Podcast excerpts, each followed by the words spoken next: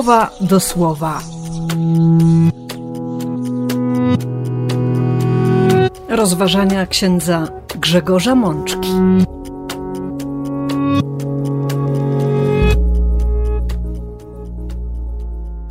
Wielki Czwartek, msza Wieczerzy Pańskiej.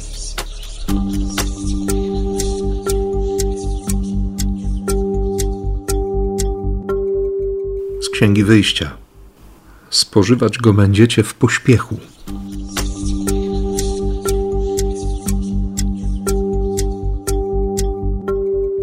Z Psalmu 116. Czym odwdzięczę się Panu za wszystko, co mi dał?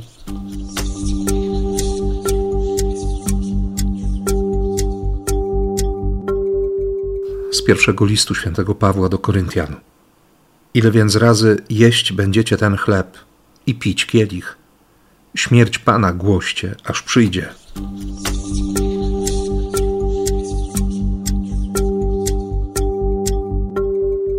Z Ewangelii według świętego Jana. Co ja robię, tego ty teraz nie rozumiesz. Potem pojmiesz.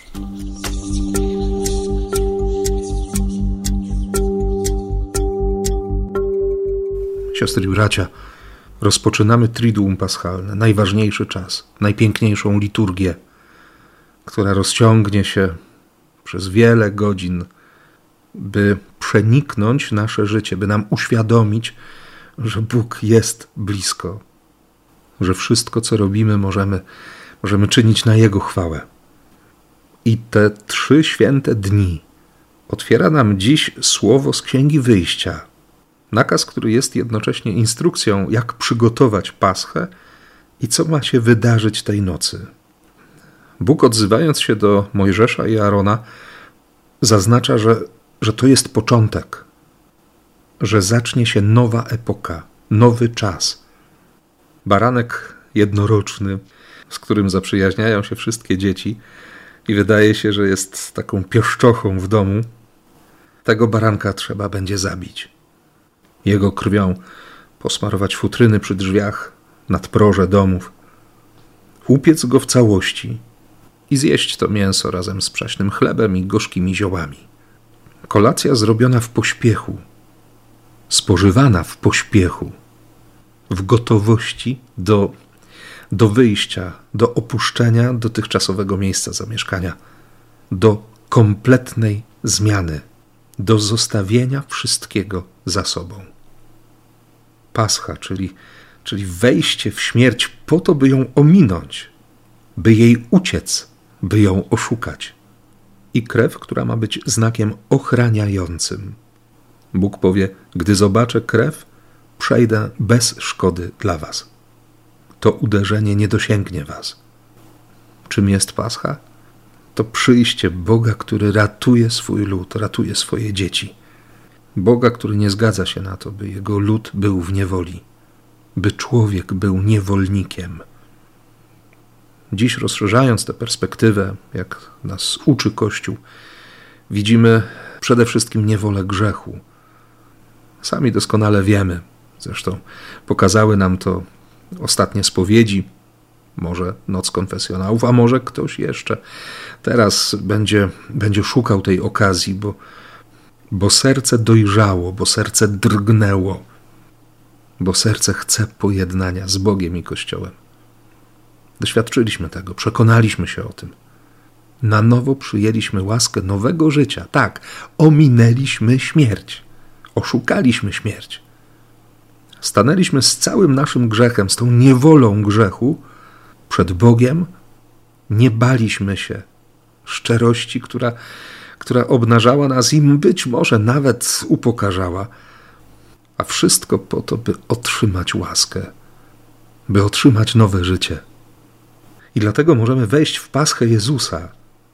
Możemy stanąć dziś w Eucharystii i wiedzieć, że kiedy tamci ludzie wtedy w Egipcie po 430 latach w pośpiechu spożywali wieczerzę, która miała ich nakarmić i dać im siły na wyjście w ciemności, na przejście w ciemności Morza Sitowia, to my, kiedy staniemy w Eucharystii dziś, to my obecni na mszy wieczerzy pańskiej, zrobimy dokładnie to samo.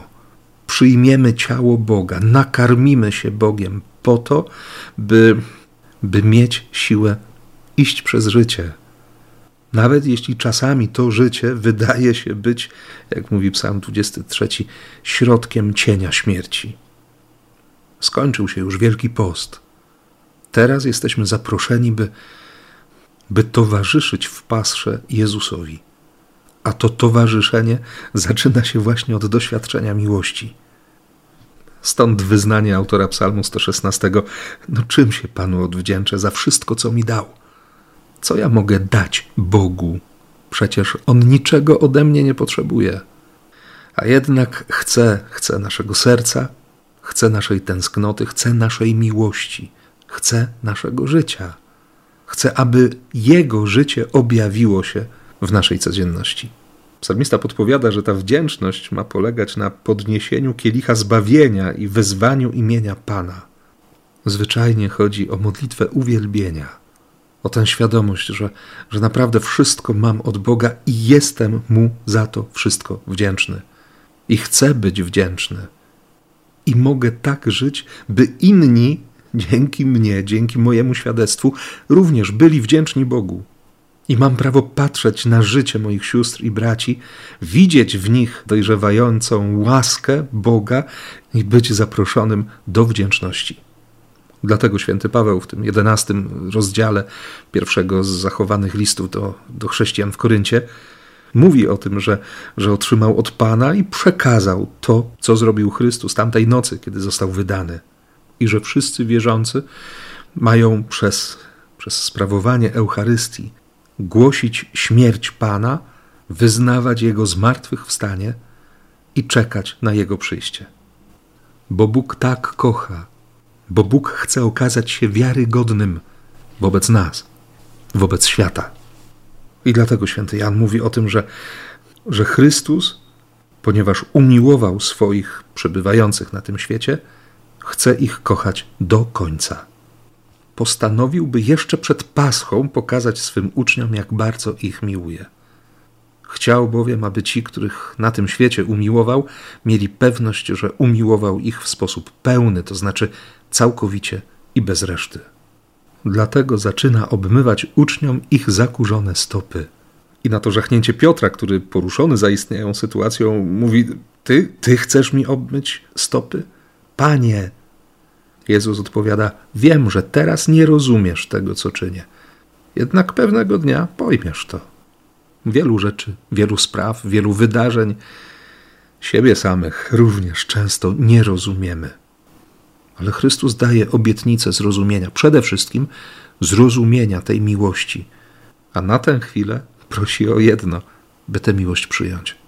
By przyjąć Boga, który, który kocha, który nie przestanie kochać człowieka i który ma prawo zachęcać nas nieustannie, zobowiązywać nawet, byśmy czynili podobnie.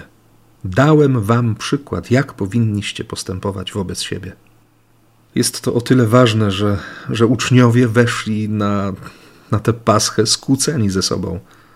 Znów się pokłócili o, o sprawy pierwszeństwa, o to, kto jest bardziej istotny, kto ważniejszy, kto ma większe znaczenie w oczach Jezusa kto jest tym najbardziej potrzebnym. Jezus nie mógł inaczej zacząć tej paschy, bo wiedział, jak bardzo ważna jest ona dla niego i chciał ją przeżyć z nimi. Bóg chce być z nami.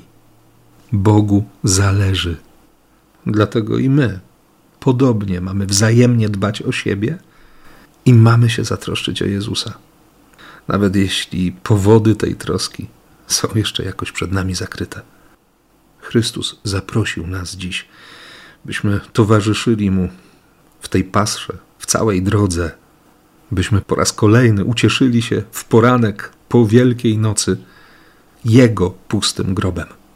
I nawet nie rozumiejąc tego wszystkiego, co się znów wydarzy na naszych oczach, po prostu z Nim byli. Dali wiarę Bogu, który jest wiarygodny. Tego Wam życzę. Na to święte Triduum Paschalne, męki, śmierci i zmartwychwstania naszego Pana Jezusa Chrystusa. Amen.